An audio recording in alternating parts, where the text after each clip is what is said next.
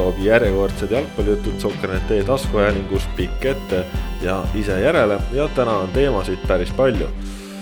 räägime täna sellest, mis toimub nüüd siin uue hooaja eel, premium-liiga klubid alustasid täna päris suures mahus hooajaks ettevalmistumist.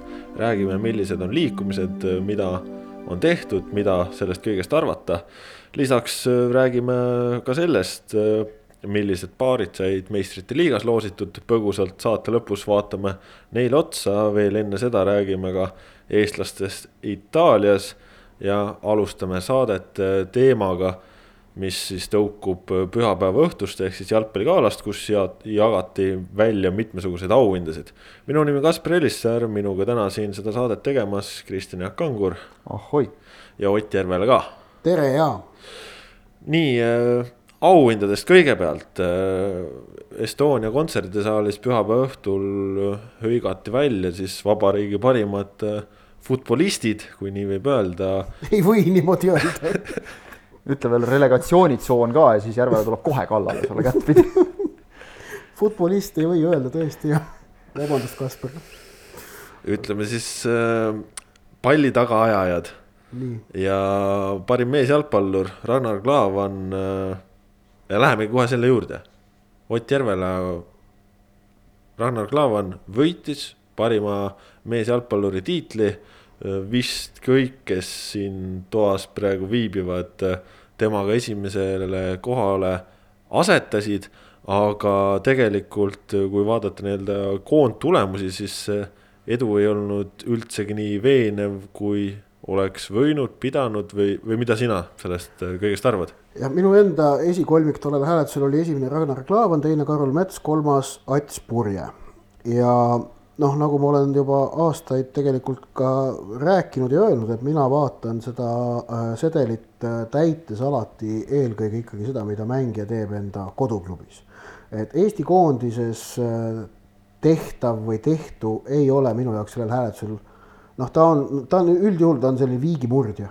kui on nagu võrdsed mehed, siis ma hakkan koondise poole vaatama. ja, ja põhjus on siis see, et, et noh, koondise jalgpall on muidugi oluliselt palju juhuslikum, tegelikult ajaliselt noh, nad, sellega tegeletakse vähe aega ning mängija taset näitab kõige paremini ikkagi see, mis äh, klubis ta mängib, mis liigas see klubi mängib, mis on selle klubi sportlik tase. ja noh selle pealt võttes ütleme, kaks kuud tagasi oleks veel see, see olukord ol, võinud olla natukene teistsugune, sest et siis veel polnud, siis oli Ragnar Klavan ju vist jälle korraks saanud vigastada pärast seda, kui ta oli käinud siin septembris koondist aitamas.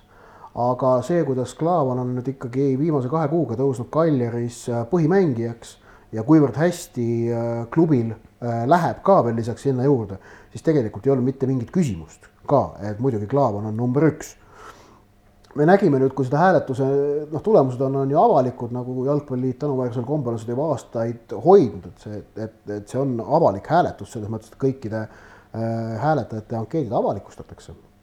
siis on äh, näha, et äh, ja, ja ootuspäraselt, et paljude hääletajate jaoks äh, see, et Klaavan ei ole koondises sel aastal, mängis ainult kaks mängu Äh, oli nõnda öelda otsustav asjaolu ja teda kas eirati täiesti või, või ta jäeti sealt tippmiste positsioonidelt välja. et, et see on nagu noh, seal muuhulgas ka vist koondise peatreener ei, ei, teda üldse esikolmikusse. et noh, see on, ongi igal hääletajal on õigus seal teha nii nagu, nii, nii nagu ta tahab, aga kui me valime Eesti, minu, selgitan enda seisukohta, kui me valime Eesti parimat jalgpallurit, siis minu meelest tuleb ikkagi lähtuda eelkõige klubi jalgpallist ja see koondis on siin teisejärguline. ja see, ma tean, see, see väga paljudele ei meeldi üldse, aga kui ma niimoodi ütlen, et koondis on teisejärguline, aga minu meelest see on ja ma jätkuvalt tuletan meelde ühte head näidet, see oli aasta, pidi olema vist kaks tuhat üheksa, kui Eesti aasta jalgpalluriks valiti Raio Piiraja, kes kukkus oma koduklubiga Fredrikstadiga Norra kõrgliigast välja. ja samal aastal meil oli Sergei Boreiko mängis Venemaa kõrgliigas põhimehena ja meil oli seal veel nagu väga heal tasemel tegutsejaid ja piiraja võitis, sellepärast et toona oli väga selgelt näha, kuidas ajakirjanike poole pealt äh, piiraja eriti punkte ei teeninud, aga Jalgpalliliit pani nagu peaaegu et ühemeelselt Jalgpalliliidu hääletajad panid piiraja esimeseks, sest et noh, Raia oli, oli koondises tol aastal väga tähtsas rollis olnud ja koondise aasta oli lõppenud selle kaks-null võiduga Belgia üle no minu jaoks ka noh, valitakse ju Eesti aasta parimat meesjalgpallurit ja kui Ragnar Klavan mängib äh, Itaalia kõrgliigas seerias iga nädal, siis äh, siin ei ole varianti, ma pean ütlema tõesti, et umbes selline kaks kuud tagasi oli minulgi selline noh, tugev kimbatus selles, et huvitav, mis nüüd saab. Aga viimased äh, paar kuud Rannar Klaavan on olnud terve, on mänginud, on mänginud väga hästi, Kaljari paneb liigas väga vingelt ja, ja siin minu jaoks ka probleeme ei olnud. Klaav on esimene, mina panin teiseks Karol Metsa, kes on ka Rootsis teinud väga hea hooaja lisaks ka koondises saanud sellise Äh, noh, tugeva äh, võtmerolli omale juurde ja, ja kolmandaks mina asetasin siis Konstantin Vassiljev, kes äh, koduses liigas tegi vapustava aasta ja, ja kes seejuures panustas ka koondisesse väga-väga võimsalt. mina panin kolmandaks Ats Purje Soome meistritiitli eest. ma, ma väärtustan, ma, ma olen alati väärtustanud ka tiitleid, mida võidetakse välisklubides, et need ja, on nagu no,. mina lähtun sellisest ma ei tea, abstraktsest paremusest, kes tõesti nagu äh, nagu tol hetkel on reaalselt kõige parem. aga tõsi on see, et kõik need individuaalsed auhinnad jalgpallis, eks nad nõuavadki sellist väga kes iganes hääletab kuskil, kas ise, on see siis rahvahääletus või ajakirjaniku hääletus või, või, või midagi muud, et see nõuab ju sellist individuaalset abstraktset süsteemi, mille põhjal need hääled anda ja, ja see eh, see abstraktsus ongi igal sellel hääli andval inimesel täpselt selline, nagu tema seda näeb. ja lihtsalt adekvaatse tulemuse saame me seoses nende koondumistega, me nägime ka Ballon d'Ori puhul, et seal mingil Sri Lanka ajakirjaniku abstraktsus oli täiesti arusaamatu, aga kokkuvõttes tehti mõistlik otsus, Messi aga, võitis. aga tal on selleks teatav õigus, selleks abstraktsuseks, kui ta on sinna juba hääletama pandud no,, kui see nüüd muidugi nagu täiesti absurdi ei lähe, okei okay,, võib-olla see oli seal piiri peal. aga no, ikka no, minul... üle piiri, aga okei okay aga jah, kui sa nagu tõesti eirad kõiki mõeldavaid kriteeriume, siis võib-olla võiks mõelda korraks enne veel. aga see abstraktsus on minu meelest just väga õige sõna, et siin näiteks äh, üritati kohe sellest, mida me juba mainisime, et koondise treenerit ei äh, või siis koondise treeneritest kaks, oleme täpsed, äh, Aivar Anniste ja Mario Hansi minu meelest panid Klaavani esimeseks, kui ma õigesti mäletan, mõlemad et, et nüüd kaks tükki ei, ei hinnanud teda justkui üldse esikolmikusse, noh näiteks kui jällegi, kui mul nüüd mälu ei võta, siis oli äh, Karel Voolaitil esikohal Erik Sorga, kes nüüd, kui, kui niimoodi võtta, siis noh, ei ole nagu võib-olla Eesti koondise mängijatest kindlasti kõige kõrgema tasemega mängija hetkel, aga noh, seda peab Voolaidi käest nüüd küsima, eks ole, mis tal, mis see põhjus oli, mis iganes see põhjus oli ja ta ei pea seda isegi ütlema, tema otsustas nii, mis iganes põhjustel, aga, aga kui otsida siit loogikat, noh, võib-olla näiteks see, et kõige suurem arenguhüpe. ja minu jaoks näiteks isiklikult on alati olnud üks asi, mida ma vaatan, see, et, et kuivõrd mängija mängib nii-öelda oma taseme välja või või, või siis jah, et, et kui, kui palju ta ennast ületab näiteks. ja, ja see oli üks põhjuseid, miks, miks minult näiteks kolmanda koha sai Klaavani ja Metsa järel Sergei Zenjov.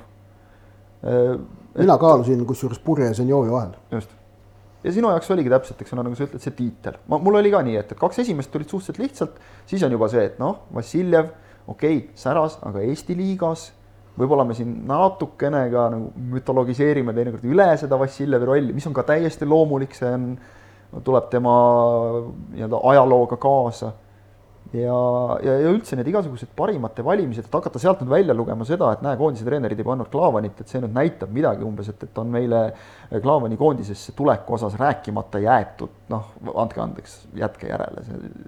sellistest parimate valimistest kiputakse tegema mitte ainult meil, vaid ka igal pool mujal nagu liiga suurt numbrit minu meelest. see on subjektiivne, samas kui on nagu antud konkursil kuuskümmend kuus hääletajat, siis noh, lõpuks see, see, mis välja tuleb, seal on ikkagi juba seda objekti-, objektiivsust ka päris palju sees.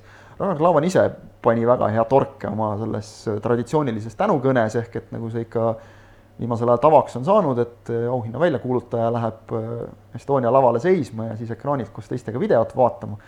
kahjuks see nii on lihtsalt. Äh, või, või õnneks siis ütleme, et meie mehed mängivad nii kõrgetes liigades, et, et seal, seal samal ajal mängud käivad, aga aga just nimelt see, mida Klaavan ütles, et selline väike noh, mõnusalt isegi ma ei ütleks ülbe, vaid enesekindel torge, et noh, et eks mul oli sel aastal natukene kehvem aasta, et teil selle võrra valik raskem.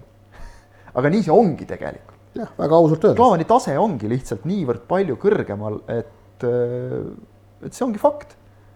ja sama, samamoodi tegelikult on vähemalt minu ja see, jaoks ja... Karol Metsa tase on, on ülejäänutest hetkel niivõrd palju kõrgemal klubiliselt ja ega jääme ootama seda aega, kus, kus tõesti oleks väga keeruline, et kas meil on kõige parem premium liigi, Premier League'i mees või Serie A mees või, või La Liga mees. aga kuniks meil seda olukorda ei ole ja üks mees mängib ja ikkagi stabiilselt mängib Euroopa ühes tippliigas, olgu see Bundesliga, olgu see Premier League või Serie A, siis noh, seal ei saa väga olla küsimust tegelikult. aga jällegi, kui keegi tahab otsustada teistmoodi ja tõesti, mõni näiteks hindab vägagi koondise mänge. no meil oli, no seekord ka esikohta sai koguni viis erinevat mängijat, mis on, et noh, lisaks Rakule ja, ja Kostjale ka Karol Mets, Erik Sorga ja Sergei Leppmets on ju. et eh, selles mõttes eh, oli mitmekesiseid arvamusi sedapuhku jah, aga, aga kuuekümne kuuest kolmkümmend esikohta olid siiski Klaavanil. et tema edu Vassiljevi ees oli lõpuks punktides küll isegi tagasihoidlik, et oli kuusteist punkti ähm, maksimaalne punktisumma oli siis sada üheksakümmend kaheksa, ta sai sada kakskümmend kuus ja, ja Vassiljev sada kümme. aga jah, et Klaavan jäeti mitmetelt ankeetidelt välja lihtsalt, et see oli nagu noh, see oli see ilmselt see põhjus, et Vassiljev pigem oli nagu rohkematel ankeetidel peal kuskil seal. jah ja, ja. Klaavanil kolmkümmend esikohta, Vassiljevil üheksateist, et noh, see on ikkagi suhteliselt selge vahe ja Karol Metsal üksteist, et noh, sealt tegelikult tuleb see üks, kaks, kolm väga ilusti nagu välja. aga noh, samas ongi noh jah, et, et väga paljudel ajakirjanikel oli isegi Kostja ju, ju kolmas tegelikult, aga, aga sai palju esikohtasid. ja noh, nagu Kostja ise ütles Sokkernetile, õige mees võitis, et temal nii-öelda äh, arusaamatust ei ole, et, et miks Klaavan selle sai, tema mängib kõige kõrgemal tasemel ja nii ongi. aga lähme põgusalt äh, ka teiste võitjate juurde, Innas Liitnis väga-väga napilt äh, vist ühe punktiga edestas Katrin Lood parima naisjalgpalluri valimisel ja ja noh, see näitab ka taas, et see valimine on ikka kompleksne, et Hinnas Lidnis äh, tuli Ungari meistriks, on ju. Katrin Loo tuli Eesti meistriks, Eesti karikavõitjaks, superkarikavõitjaks ja, ja koondises kapten ja koondise rekord internatsionaal ja koondises väga olulises rollis, et. et tõesti see hindamine käib keeruliselt, aga naiste puhul ikkagi on ka kaitsja äh, tunnustatud. jaa, see on, ei noh jällegi meist-, võõrriigi meistriks tulek on iga Eesti jalgpalluri jaoks alati saavutus. ja, ja ma siinkohal pean silmas ka seda, kui Albert Prosa tuli näiteks Malta meistriks. ka see, see on saavutus, mida, mida tuleb nagu hinnata ja, ja selles mõttes hinnas Liidniselt väga kõva värk, et ta Ungaris ikkagi Ferencvarosega meistriks tuli, et ja noh, see meistriks tulemine, see ei ole mitte nagu lihtsalt koosseisu kuulumine, ta on ja, ikkagi põhimängija seal. ta on, ta on selle naiskonna põhimängija. jah, Ungari kõrgliiga on seal Euroopa nende naiste kõrgliiga edetabelis umbes samal tasemel, kus on nagu Soome kõrgliiga, kus on varem siis meistriks tulnud, on ju Pille Raadik. Äh, Soome meistriks on tulnud, äh, Signe Aarla minu meelest ei ole tulnud Soome meistriks. Ta liitus Alandiga murd pärast ja. seda, kui, kui nende edukas periood oli möödas, jah. et äh, et noh, see on selline Euroopa seal ütleme teise, ei Euroopa kolmandas kümnes on minu arust on nad edetabelis praegu nii Soome kui Ungari on. Soome äkki toona oli vist kõrgemal veel. et aga, aga noh, see on ikkagi noh, ütleme nii, et kui meil tuleks mõni meie jalgpall, mõni meesjalgpallur tuleks näiteks noh, Poola meistriks, me mäletame küll, kui Pareiko tuli Poola meistriks. Poola kõrgliiga on ka Euroopas kuskil kolmandas kümnes näiteks või Ungari meistriks. meil tulnud Kink äh,, Morozov kas ka Ahjupera? Ahjupera nagu jah, ametlikult sel hooajal, kui ta Kingiga seal koos oli, siis, siis tuli küll, aga vot ma nüüd ei mäleta, kas ta mängis ka sel aastal.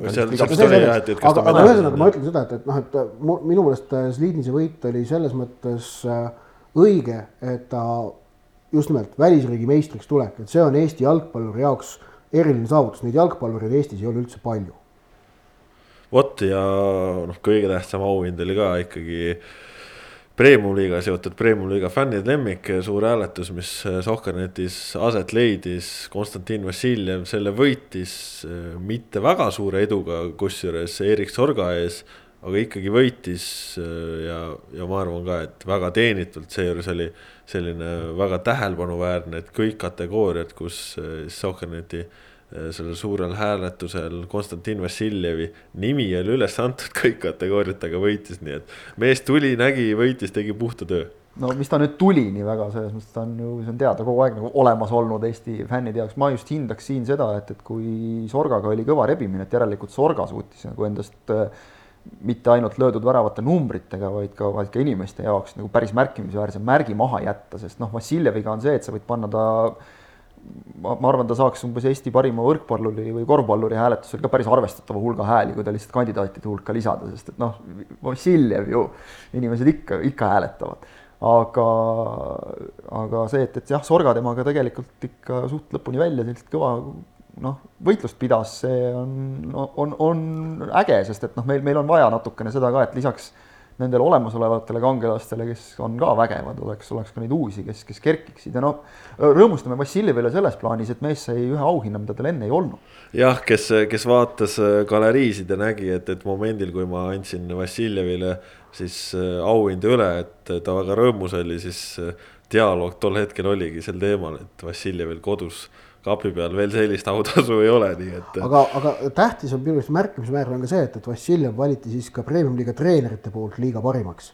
et, et premium-liiga treenerid vaatasid olukorrale otsa ja siis Vassiljevit hinnati kõrgemalt kui, kui Sorgat. et see oli, see oli nagu huvitav ja see, et aasta meesjuuniorid vabandust, aasta juunioriteks valiti Erik Sorga ja Mari-Liis Lillemäe, siis nende mõlema nagu arvestuse puhul oli kokkuvõttes seda äh, noh, poleemikat peaaegu kui sellist ei tõusnudki, et need mõlemad olid sellised väga nagu loomulikud valikud. et kui me nii mees kui naisjalgpalluri puhul räägime seal noh dilemmadest, siis juunioride puhul seekord oli vist suhteliselt üksmeelsed valikud nagu noh, Sorga, Sorga oli nagu loogiline valik ja, ja Lillemäe tegelikult ka. ja neid tulemusi ju noh, ei ole nii niimoodi avalikustatud, aga tõesti seal dilemmat ei ole. vot, aga nii palju siis praegu sellest, aga noh, kui me siin rääkisime, et kes mis tasemel mängib ja, ja kui palju see siis valikuid mõjutab, siis noh, Ott, kas järgmisel aastal Georgi Dunjov ka sul kohe valikus? No ei, ei saa välistada, ei saa välistada. kõik nüüd sõltub tegelikult sellest, et mis, mis nüüd Georgi Dunjoviga. avame äkki natuke tausta ka, et kui. Spallis saama hakkab, et, et noh, kaks tuhat kuusteist ta siit Narva kaks tuhat kaheksateist, sul oli kusjuures valesti sotsiaalmeedias kirjas. no läks ta Narva Transist äh, eelmise aasta alguses siis Itaaliasse, Spalli akadeemiasse ja on seal noortesatsides mänginud, kuni hakkas siin paar kuud tagasi siis vahetuspingile saama. ja, ja muuhulgas siis ka Juventuse vastu oli vahetuspingil. Juventuse vastu oligi esimest korda. aga oleme ausad, me siin nagu arvasime, et, et noh, et, et noh, ütleme, kuna Spal ei ole kõige suurem klubi, et siis on nagu loogiline, et sa võtad motivatsiooniks seal mõned noormängijad, paremad noormängijad pingile, sellepärast Itaalia kõrgliigas on just nimelt see, et seal antakse üles kaksteist vahetusmängijat iga mäng mitte seitse, nagu näiteks Inglismaa Premier League'is. mis oli ka selles esimeses mängus Juventusega just nimelt see, et, et äh, rääkisin Dunjoviga siis, kui ta pärast seda käis Eestis siin noortekoondise eest mängimas ja ütles ka, et, et ma annan nagu väga selgelt endale aru, et see oli selles mõttes väike avanss, et äh, väga palju oli vigastustega probleeme, põhimehi oli puudu ja siis paar noort võeti, et sel hetkel veel võttis ta seda ise küll täiesti nii, et, et noh, tore, et mind sinna võeti, aga et noh, ma, ma tean väga ja. hästi, kui palju mul veel on vaja tööd teha. me eeldasime kõik, et see on nagu motivatsiooniks võetud, noh, tema ja veel keegi seal. aga eile. ise ka eeldas minu meelest seda natuke. aga, aga eilne siis mäng AS Roomaga avas nagu kogu asja hoopis teises olukorras, sellepärast et seisul üks-kaks, äh, kakskümmend minutit enne mängu lõppu, kui Spal oli kaotuses üks-kaks, tegi meeskond oma esimese vahetuse ja selleks vahetuseks oli Dunjov platsile. üks-kaks kaotusseisus, temaga mindi mängu päästma ja see on nüüd midagi nagu noh see oli, see oli täiesti ootamatu, julgen ma öelda, et just nimelt sellisel hetkel sa ta platsile tood. loogiline on see, et see noor mängija saab oma esimesed minutid siis, kui kas mäng on, on juba täiesti selgelt kaotatud, null kolm näiteks on seis või on väga selgelt võidetud, ollakse neli-null ees ja siis annad talle lõpus kümme-viisteist minutit. et see on see, kuidas me kogu maailmas näeme, kuidas neid noori mängijaid sisse mängitatakse tegelikult. aga et ta tuli praegu sellises seisus platsile, nüüd on huvitav näha, kas tõesti Spall on temaga mingi nagu noh, niivõrd selge plaan juba Serie A-s teda, teda nüüd mängitama hakata ja, ja kui ta muidugi sinna nüüd rotatsiooni mingilgi moel sisse saab, siis, las see aasta jalgpalluri konkurss olla, selleni on veel meil nüüd aasta aega minna ja sellega pole kiiret. aga kui ta saab nüüd, kui ta, kui ta jääb nüüd Spalli rotatsiooni sisse, siis on nagu täiesti adekvaatne küsimus, et äh, miks mitte ei peaks ta märtsikuus A-koondise kutset saama.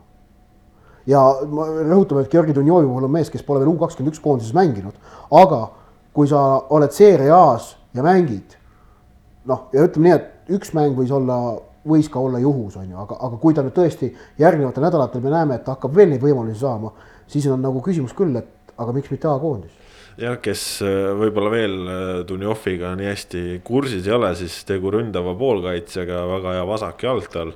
ja tegelikult Eesti kõrgliigas, premium-liigas tegi ta debüüdi viieteistaastaselt Narva Transis. kuueteistaastaselt mängis Narva Transis juba päris korralikke minuteid. nii et äh, selle nurga alt ütleme, et ta ei olnud ka selline, et, et lihtsalt mingisugune andekas noor, kes, kes läks varakult kuskile Itaaliasse, vaid ta läks ikkagi juba no väga lubava, väga lubava talendina läks sinna Itaaliasse. ja, ja tõesti noh, eks ta seal Primaveras mängides sai ennast vaikselt näidata, aga nüüd tõesti sai koosseisu ja tõesti võõrsil äh, kakskümmend minutit enne lõppu, esimese vahetusena vist ka veel kaitse asemel toodi ta sisse nii-öelda. ja siis selge taktikaline vangerdus, no ma ütlen, väga uhke tunne ja tema on siis ju kolmas Eesti jalgpallur, kes on jõudnud äh, tippliigasse ühte viiest, ehk siis Mart Poomi Platsi, ja Ragnar. platsile. Ragnar Klavani järel on ju, et äh, see on. Äh, kaheksateistaastaselt, ma rõhutan. see on suur saavutus ja noh, ütleme, et kui siin räägid juba koondisesse kutsumisest, siis noh, koondise maestro Vassiljev selleni kahjuks ei jõudnudki tänase seisuga. aga, aga noh, see on, seis on see, et kui ta neid minuteid hakkab seal Serie A-s saama, siis, siis no siis me, siis me, siis on paratamatult, me räägimegi koondisest, noh et noh, Eestil ei ole luksust seeria jalgpallureid koondisest kõrvale jätta. ootame ja vaatame, ei ole see koht nagu. Dunjov on selles mõttes huvitav tüüp, et minu meelest tal on nagu veel ka noh, kõvasti nagu arenguruumi, et kui mõni on selline hästi varaküps, siis noh, see Dunjov, keda mina siit äh, Eesti väljakutelt mäletan, oli noh, ikkagi veel väike poiss. Äh, see, kes nüüd seal Itaalias mängib ja see, kellega ma siin nüüd sügisel juttu ajasin, on äh, kõvasti pikkuses juurde visanud, äh, selline noor mees, aga noh, näha on, et, et füüsist annab veel kõvasti-kõvasti juurde panna. et selles mõttes tohutult kahju, et, et noh, kuna ta mängib praegu igapäevaselt sellisel tasemel, kus me ei näe teda. võib-olla see nüüd muutub, et et, et seni on olnud väga raske nagu noh, midagi arvata temast, sest kahjuks ta ei saanud ju mängida siin ka viimastes mängudes rohkem kui mõned minutid tervis, tervis jukerdas. et, äh, et noh, see, see oleks olnud nagu jube hea koht ja, ja mängud oleksid olnud Venemaaga, et noh, tugeva vastasega oleks olnud kohe näha, et, et kas ta, kas ta paistab sealt silma või mitte. võib-olla siis oleks olnud äh, mõni mängumees ka mitte ainult hümnilaulja. jah, klassikuid tsiteerides, et, äh, et selles mõttes jubedalt tahaks ka, et, et ta nüüd mängiks natukene, et saaks nagu pildi ette, et mis mees ta on, sest noh, eile võisid, ma arvan, enamik magas nii-öelda maha selle, sest noh, okei okay,, koosseisus on tore küll, aga, aga nagu sa ütlesid, et see koosseis seal on teist sama palju mehi kui platsil on pingi peal, et, et noh, sealt peale saada, et sind sealt juba välja valitakse ja esimesena, see on kõva sõna vot nii palju siis Georgi Dunjovist, jääme tema käekäiku jälgima, vaatame, kuidas tal läheb, hoiame pöidlaid, et läheks kõik väga hästi. ja läheme siit äh, siis oma sellise suurema ploki juurde, milleks on premium-liiga. täna siis äh, kuueteistkümnendal detsembril suurem osa Eesti klubidest alustas või juba alustab veel alles oma hooaja ettevalmistust ja hakkame siit natukene riburada pidi minema. räägime kõigepealt nendest suurtest klubidest, kes on siin suuri asju teinud täna kõikide tippude trennides kohal ise käisime. alustame valitsevast meistrist FC Florast. Kristjan Jaak, sina seal rääkimas käisid, mis no, toimub? jah, kõige igavamad jutud kõige enne selles mõttes, et mis seal ikka nii väga toimub, Floral on nagu meistril tihti asjad hästi. tundub, et äh, vaata, et kõige paremini võrreldes, võrreldes siin teiste klubidega. et loomulikult, mis küsimärgid on, on need, millest on, on noh, juttu olnud ja, ja sellised kaks ilmselget. üks on väravavahi positsioon, kuivõrd äh, Lilleström kukkus Norra kõrgliigast välja, siis äh, seal ilmselt on endiselt või võib-olla nüüd siis noh, on, on hakatud juba nagu mõtlema mingite otsuste peale, seni oli ilmselge šokk. Vaadates kasvõi milline oli nende mängupäeva sissekanne oma kodulehel, kus oli vist umbes neli rida ja, ja üks neist oli, et ei olegi midagi öelda. Ehk et äh, täiesti ilmselge, et, et sellega ei arvestatud, see pööras kõik pea peale, et, et kas nad nüüd tahavad Matvei Igoneni tagasi oma väravasse, ei taha, jätavad ta siia laenule, Flora ilmselgelt tahaks Igoneni siia jätta, Igonen alustab, ei alustanud nüüd mitte täna esmaspäeval, vaid mõne päeva pärast nagu, nagu enamik teisi. mul on tunne, et ka Igonen ise tahaks siia jääda. ma arvaks küll jah, sest et noh, seal on sul ikkagi, siin on ta ikkagi suhteliselt selgelt ja kindlalt esiväravamaht ta sai siit äh, ilusti koondisesse nende mängude pealt, äh, seal Norras on jälle noh, sai viial teada. no pluss veel ka see, et no ilmselgelt on näha, kuidas Igonen naudib koostööd Aiko Orgliga, Flora väravahti treeneriga. ja, ja see klapib neil ja, ja on näha tegelikult silmnähtavat arengut ka selle poole aasta jooksul, mis Igonen siin Floras nüüd oli, et oli ju noh, kuna, kuna Flora on ju oli teel meistri poole, siis me ilmselt kõik nägime Flora, Flora mänge ütleme keskmisest rohkem ja minu meelest oli nagu selgelt näha, kuidas seal tehti mingite asjade kallal tööd ja see töö tulemused olid väljakul näha. ja noh, see on, ütleme iga jalgpalluri jaoks ükskõik, kus ta on, et kui tal on säärane mm, noh, toimiv koostöö ja, ja kindel tähelepanu, see on väga ahvatlev jalgpalluri jaoks kahtlemata, et Igonen on, on variant number üks, tal on nüüd äh, hetkel see laenuleping aasta lõpuni. ehk siis noh, mõni nädal veel, et praegu ta Floraga alustab, äh, A-koondise mehed said mõne päeva siin rohkem puhata, aga aga ainult mõne päeva, sellepärast et kaheksandal jaanuaril Flora juba mängib äh, võõrsil Lutserniga, et. ja nagu nägime, siis kõik mehed seda puhkust välja ei võtnud ka. müts maha, sest et noh, ausalt ei, ei ole nüüd üle küsinud, aga, aga eeldaks, et äh, Vladislav Kreida enda vabatahtlik soov oli, oli tulla paar päeva varem ja, ja, ja asuda tööle ehk et äh, sobib hästi kokku sellise musta tööd rabava keskpoolkaitse kuvandiga väga ilusti, et äh, kõva. ja, ja, ja Floral teine koht on muidugi parem kaitsekoht, kus siis karjääri lõpetanud Gerd Kamsi koht on vaja täita Jürgen Henn ei teinud saladust, et äh, Michael Lillander, kes Paide aastatel mängis korduvalt nii ühel kui teisel äärel äärekaitses, et Lillanderi seal ilmselt nähakse, Henni probleem on siis see, et, et teisel äärel Henri Järvelaid jääb nii-öelda klubisisese konkurendita selle tõttu ja, ja noh, oleks vaja neid, neid mehi, kes, kes nii-öelda noh, koputaksid õlale kogu aeg Lillanderile ja, ja Järvelaiule, et, et me oleme ka siin ja, ja, ja võtame selle koha ära, kui te natuke jala sirgu lasete, et noh, see klubisisene konkurents, millest me rääkisime, see on oluline, et, et noh, kas leitakse nüüd noorteklassist või tuuakse keegi sisse, Flora ilmselt praegu mingeid oste tegema ei kiirusta hetkel, sest neil ei ole lihtsalt vaja neid. pigem on, on siin selliseid luksusprobleeme, et kuidas sa keskväljale kõik poolkaitsjad ära mahutad, sellest me eelmisel hooajal ka juba pikalt rääkisime. Pavel Tõmov, Herol kas või Markus Poom, et noh, kõik jälle, nüüd läheb jälle ju hooaeg nullist, eks ole, et ei ole siin Kreida ja, ja Mihkel Ainsalu kohad tagatud ja, ja noh, võib-olla, võib-olla mingit, mingil määral saab nüüd ka Vassiljev natukene väiksemat koormust uuel hooajal mingites, mingites mängudes, võib-olla. ja, ja siis on, on ründaja küsimus, et noh, väga palju sõltub sellest, et kes, kes jääb, kes läheb, et, et kui siin Sorga müümisest on räägitud, siis noh, kui Sorga jääb, ei ole küsimust, kui Sorga müüakse, siis nagu jälle mingid küsimused on, aga ütleme, et, et noh, kui sa, kui sa oled kasvõi sealsamas väravavahtide sektsioonis nagu selles seisus, et et sul on äh, variant A on Igonen, variant B on äh, nagu ma aru saan, siis samuti Floraga lepingut ikkagi nüüd pikendanud äh, või, või vähemalt kehtiva lepinguga Richard Aland. ja, ja kui sul siis variant C on, on Poplavskis, kes tegi tegelikult ju ka tulevikus väga korraliku hooaja teise poole, et noh, siis see on jälle see kriis, kus me kõik elada tahame, eks ole, et, et noh, Flora seis on just hea selle tõttu, et neil on seda sügavust nii tohutult palju meeskonnas ja et, et neil on, on duublist mehi, kes tulevad peale, et, et seal jah, lihtsalt samamoodi edasi ja eks nüüd on, on Henni asi vaadata, et, et meestel seesama nälg oleks jätkuvalt, ei muud midagi. Jah, no äärekaitsjate osas ka ilmselt kuuldavasti siin Floraga võib-olla Äh, harjutamas on mõned mehed, kes eelmise hooaja siis teises pooles mängisid äh, tabeli tagumise otsa klubides. et saame näha, et kas sealt midagi tuleb või mitte, aga, aga Levadia, Levadia on siis päris äh, suuri muudatusi siin talve jooksul teinud.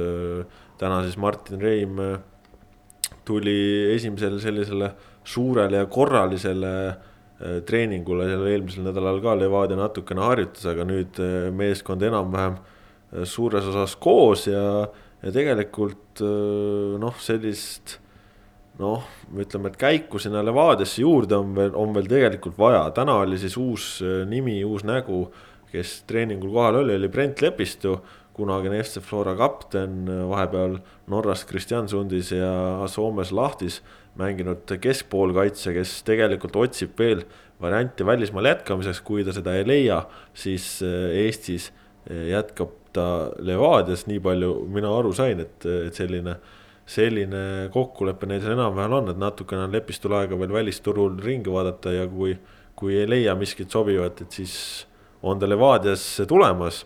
ja noh, Levadia täna teatas ka ju sellest, et äh, ei pikendatud lepinguid keskpoolkaitsja Marek Kaljumäe ja äärepoolkaitsja äh, Kirill Nestoroviga.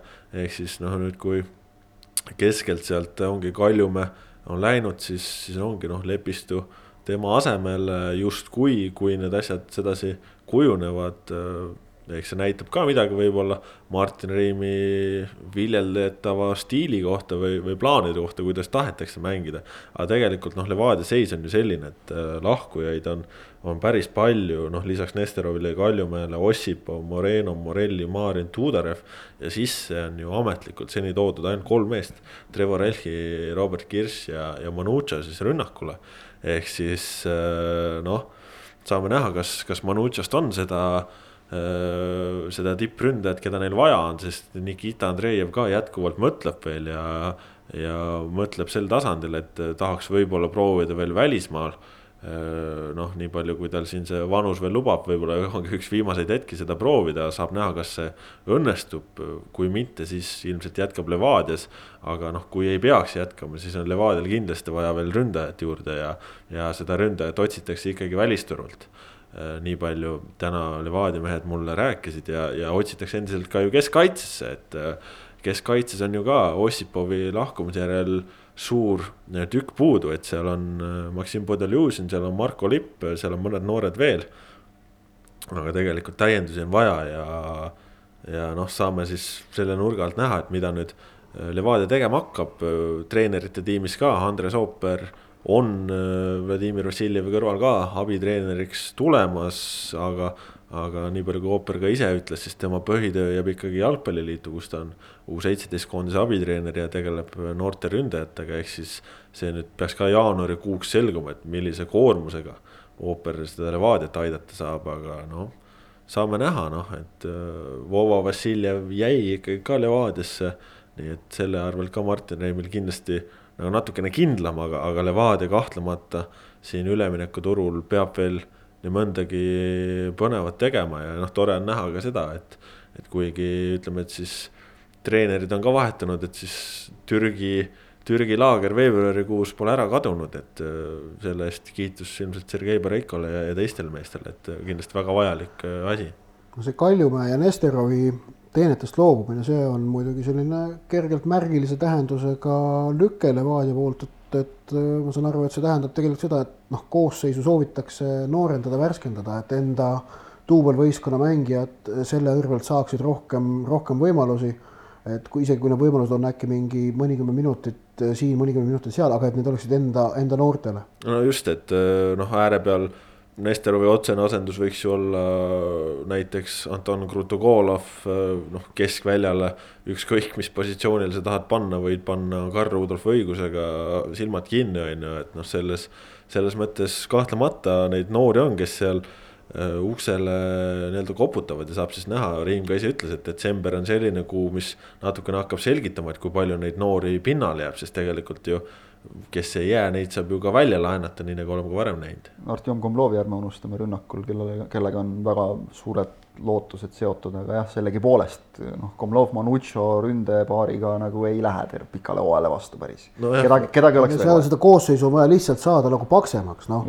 et seal on noh, ma arvan, ei, kui, kui Manucho noh me ei tea, mis ta, ta praegu täpselt on, aga, aga no ütleme, on mingid märgid, mille põhjal võib arvata, et ta on noh, päris hea no,. puhast tipuründajat on Ja- ikkagi vaja, sest noh, seda, seda teist ründajat võib mängida Roosnup, Kirss võib mängida, Vašjuk võib seda mängida, aga noh, keegi ka selline noh, konkreetne mees, kes lööb pallid võrku, et sellist kuju on ikkagi, on sinna teiseks meheks veel vaja. jah, sinna ründaja alla täpselt on, on panna neid Jaa. küll, aga, aga jah, noh, siin võib rääkida Kirsist kui ründajast, aga aga noh, ta ei ole päris see puhta väravamasina tüüp seal ees. just, just, just. vot, aga, aga noh, nii palju siis äh, Levadiaga on, et saame näha, noh, Lepistu oleks ikkagi hirmkõva täiendus ja, ja noh, saame teistpidi ka näha, et kindlasti premium-liigas Marek Kaljumäele, Kirill Nesterovile on turgu küll, et äh, Nesterov ju ise pärit äh, Narvast. Kaljumaa on ka mänginud Narvas, aga kindlasti ka Tallinna klubisid on siin mitmeid, kes omale keskväljale mehi tahavad, eriti kui me siit sujuvalt läheme näiteks äh, Nõmme Kalju juurde, kus on ju, on ju ka tegelikult äh, keskväljal noh, see ikka väiksemat sorti auk ikkagi seoses siin no Reginaldi Nõmme Kaljus ja jah ma käisin siis hommikul Sõle jalgpallihallis. esmalt huvitav, kõige huvitavam tegelane, keda seal oli näha, on siis Kaarel Usta. Et Eesti U kakskümmend üks koondislane, kes on Kalju treeningul osales ja noh, Kuno Tehva ütles, et, et eesmärk on temaga lappida Robert Kirsist jäänud auk. ja, ja siis noh, ütleme Järvele täiendusena juurde, et, et Ustaga saaks lappida ka selle augu, mis on Kaljul KTM rindel ehk et Kaarel Usta kvalifitseeruks selleks kunstlikuks KTM-iks ja ja kahtlemata oleks tore, kui ta premium-liigasse mängima tuleks, et, et teda nagu kodupubliku ees äh, näha, et oleks, oleks on ju igati vahva. aga samas noh, Marko Kristel ütles, peatreener ütles selgelt, et tegelikult nad otsivad kuskil viite mängijat praegu ikkagi võistkonda juurde. ja et noh, kaks legionäri, kolm eestlast ideaalis, et noh, et ukrainlased äh, Homutov, Lobai ja Markovitš naasevad siis on ju puhkuselt jaanuaris, liituvad, et praegu detsembris trenne ei tee meeskonnaga Nemad on ju, on kõik jätkamas, tähendab, et äh, jah, seal võistkonnas veel ruumi on, et Reginaldi osas ütles, ütles Kristel, et uks on tema poolt lahti, aga noh, ilmselt ta ikkagi soovib liikuda kuskile välismaale. karta on, et Reginald kõnnib sellest uksest mööda paraku jah. jah, et, et noh, ja, ja Krist ütles, et noh, keskkaitsesse või ütleme, kaitsesse on kedagi vaja keskväljale ja et edurivisse ka, et noh, igale poole igale poole ja, ja tegelikult ka ju noh, nii palju siis ka tänasega selgus, et tõesti ka Vitali Teles eh, ei jätka, ehk siis ja. Mõlemad kogenud väravahid on Kaljust läinud, et Londak, Londak Le Leegionisse ja Teles siis ja Teeles praeguse seisuga, no ütleme nii, et noh, jah, et Teelesit trennis ei olnud ja praegu ta Nõmme Kalju mängija ei ole.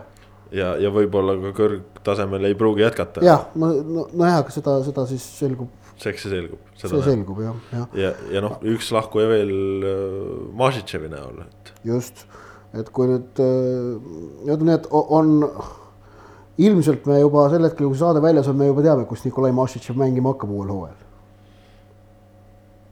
no võib-olla. võib-olla teame. kõlakad ka. on, et FC Kuressaaresse on ta minemas. aga anti, anti mõista, et võib niimoodi juhtuda, eks näis. jah, ja aga tõesti noh, eks Kaljul jah, see KTM probleem võib-olla ongi siis nüüd kõige suurem, et kui on läinud Reginald, kui on läinud Kirss, kui on läinud äh, Teles, et siis neid alles on No praegu siin- siin Kaspar ongi- Paur. jah, Kaspar Vaur on alles, Peeter. Klein on alles jah, Klein ja, muidugi. ja noh, nagu siin Ott mainis, tõesti jah, Ustale vastab kõikidele tingimustele.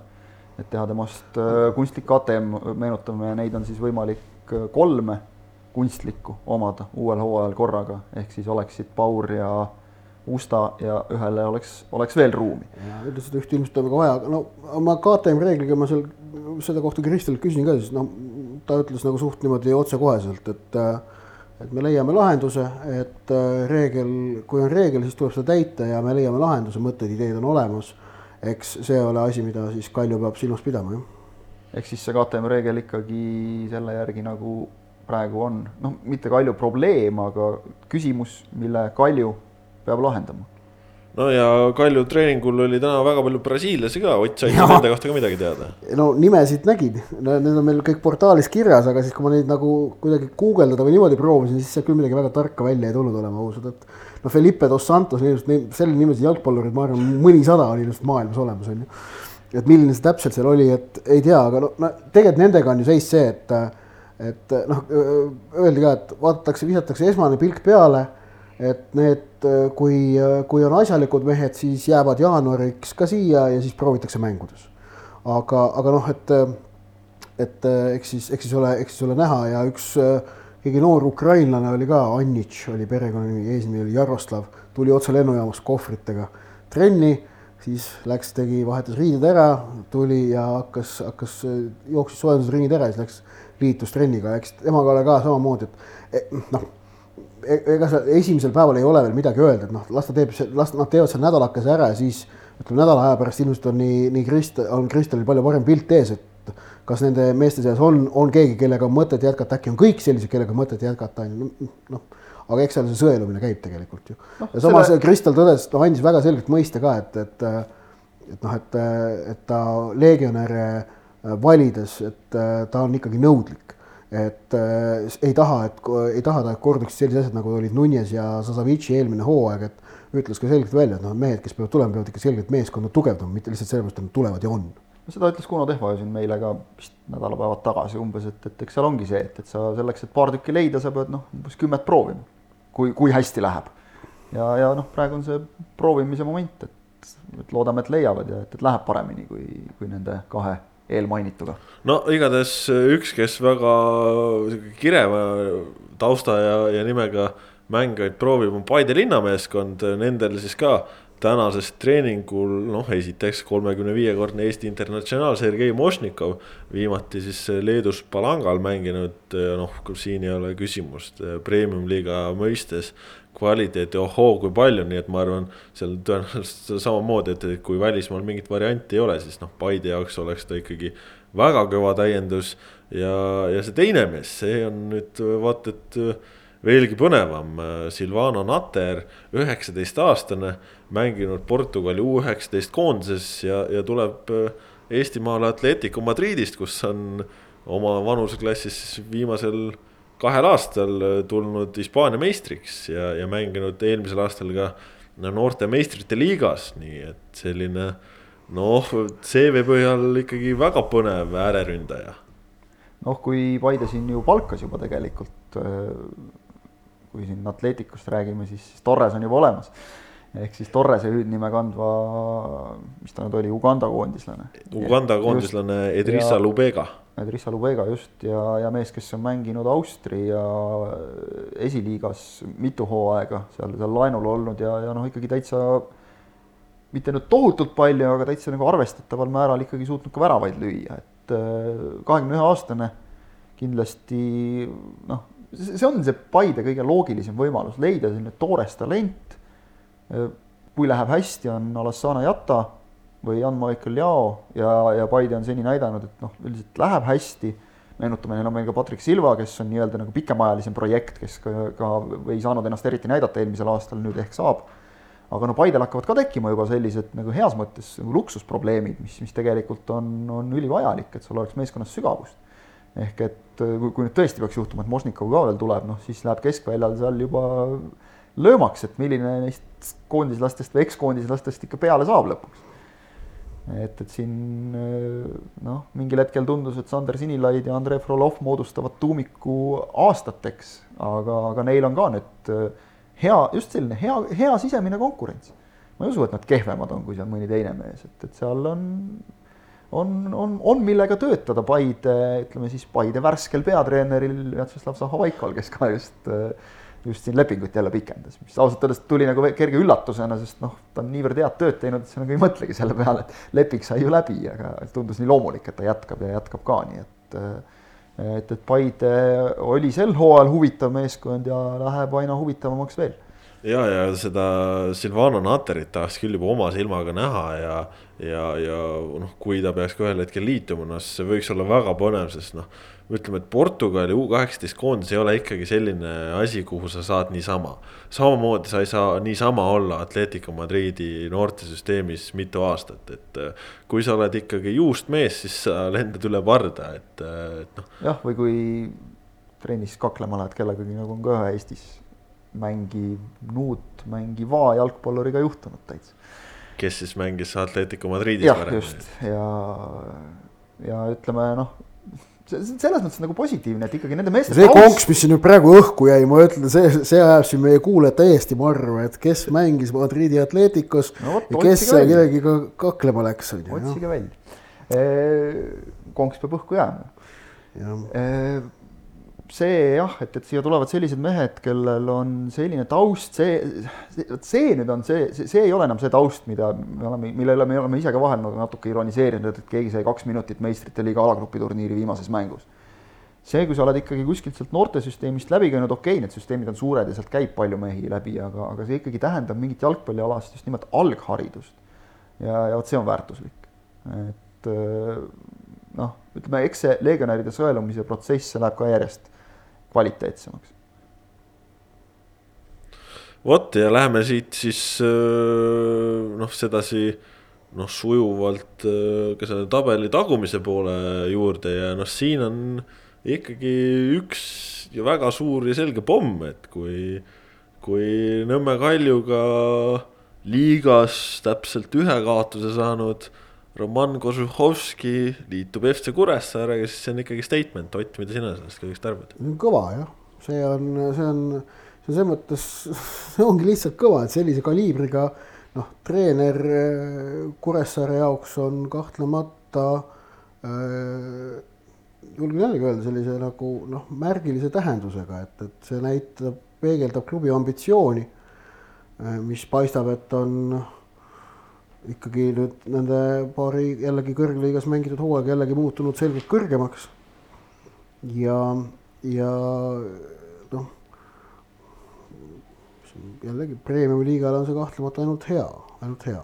nüüd huvitav on näha seda, kuidas noh, kas, kas Kuressaare suudab rahuldada Roman Kozuhovski ütleme sellised noh nõudmised võistkonna professionaalsuse mõttes.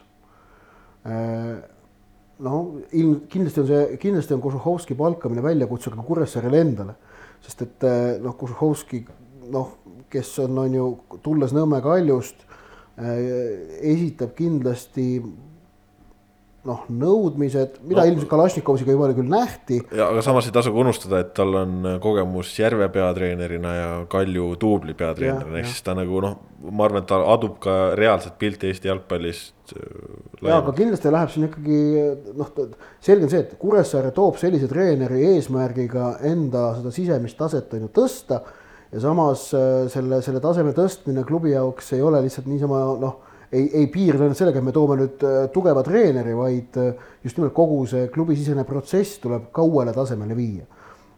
et selles mõttes on see huvitav lüke, jah. ja, ja minu arust siin on ka nagu noh, see nüanss, et tegelikult kui siin vaadata, kuidas on Kuressaare noh, konkurendid üleminekuturul siin toimetanud, noh, Viljandi tulevik, Sander Kapper, Pavel Maarin.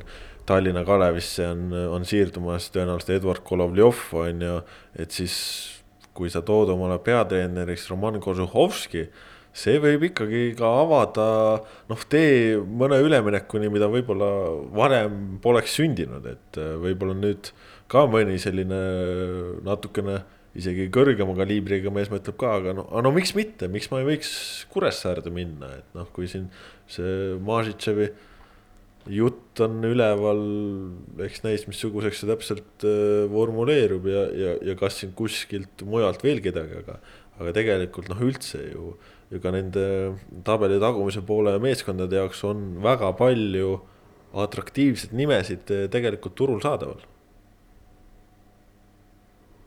jah, see ühtlus on ju see, mida me tahame premium-liigalt ennekõike.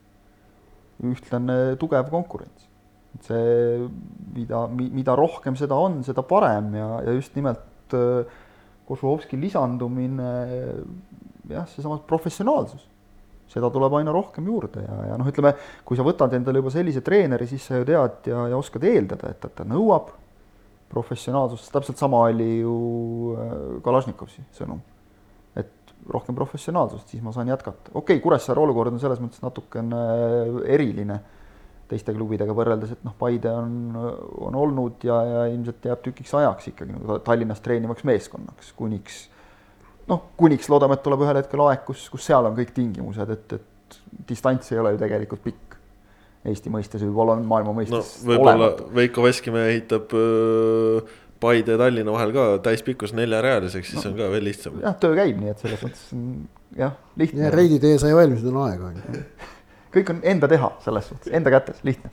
aga, aga Kuressaarel on jah, see kahe, kahe linna vahel kõlkumine nagu, mis on noh, selline nagu paratamatu häda lihtsalt meie, tulenev meie regionaalpoliitikast, et sinna nagu ei ole väga Kuressaare juhtkonnal väga palju teha.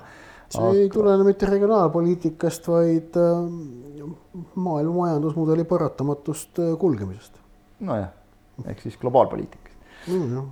ühesõnaga jah, see, see on noh, nagu see, see, see mure, et ühtepidi sa kaugened oma juurtest nagu natukene, eks ole, ja, ja teistpidi siis jälle saad kõvema meeskonna. ega Kožuhovskil noh, saab eesti keele suhu ilmselt.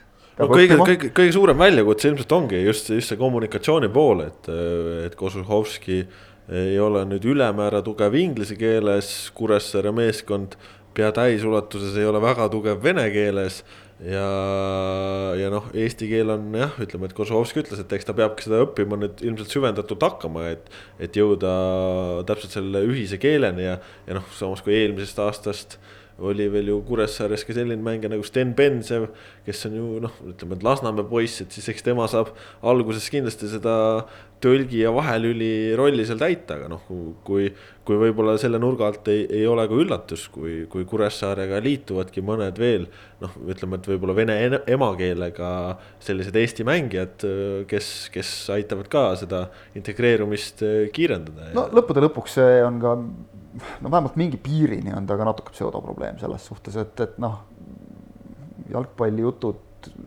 eriti kui sa nagu iga päev tegelikult noh, räägid võrdlemisi nagu sarnaseid asju, et, et need, need põhiterminid jäävad ju meelde, et, et ühele ühes keeles, teisele teises keeles, et, et ma nüüd, kui professionaalne treener, mida Kožuhovski kahtlemata on ja ja, ja professionaalse suhtumisega mängijad, kes on ka Kuressaares olemas, siis ma, ma usun, et, et see nüüd mingi mingi ületamatu probleem kindlasti ei ole, et, et ka treeneri enda noh, üks, üks esimesi kommentaare oli ka, et no selge, siis tuleb õppima hakata.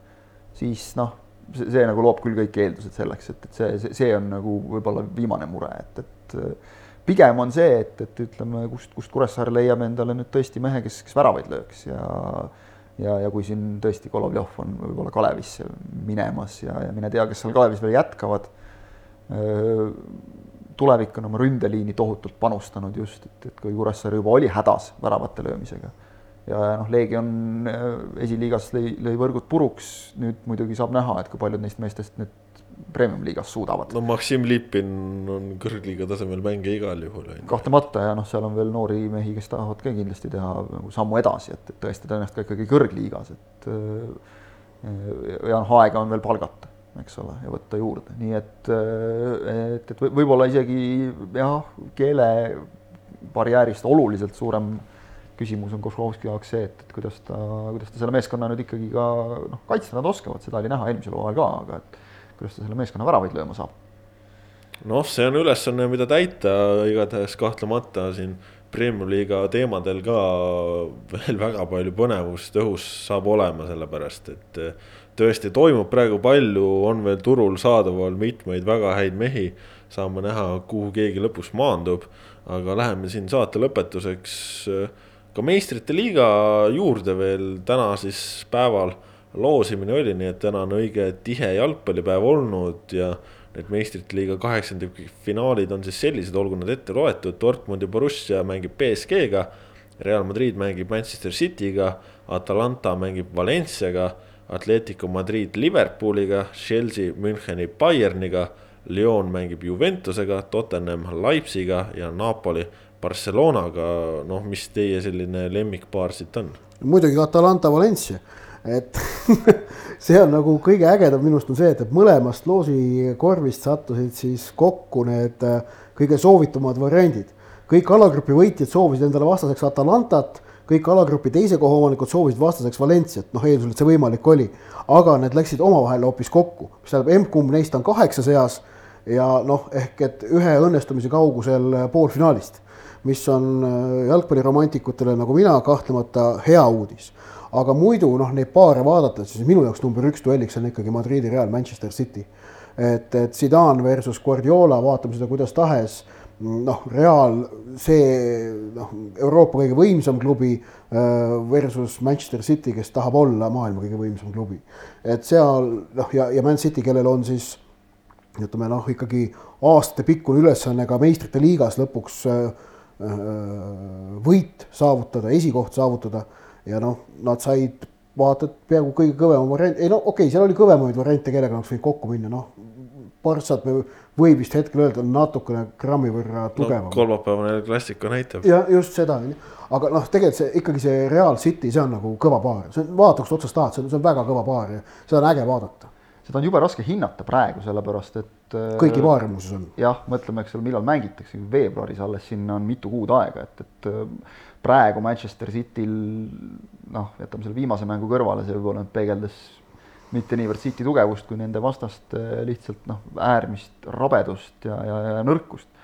see viimane mäng Arsenaliga, aga, aga, aga noh, hoolimata sellest, et Cityl praegu on ilmselgelt mingisugused probleemid, kas siis keskendumisega või jumal teab millega.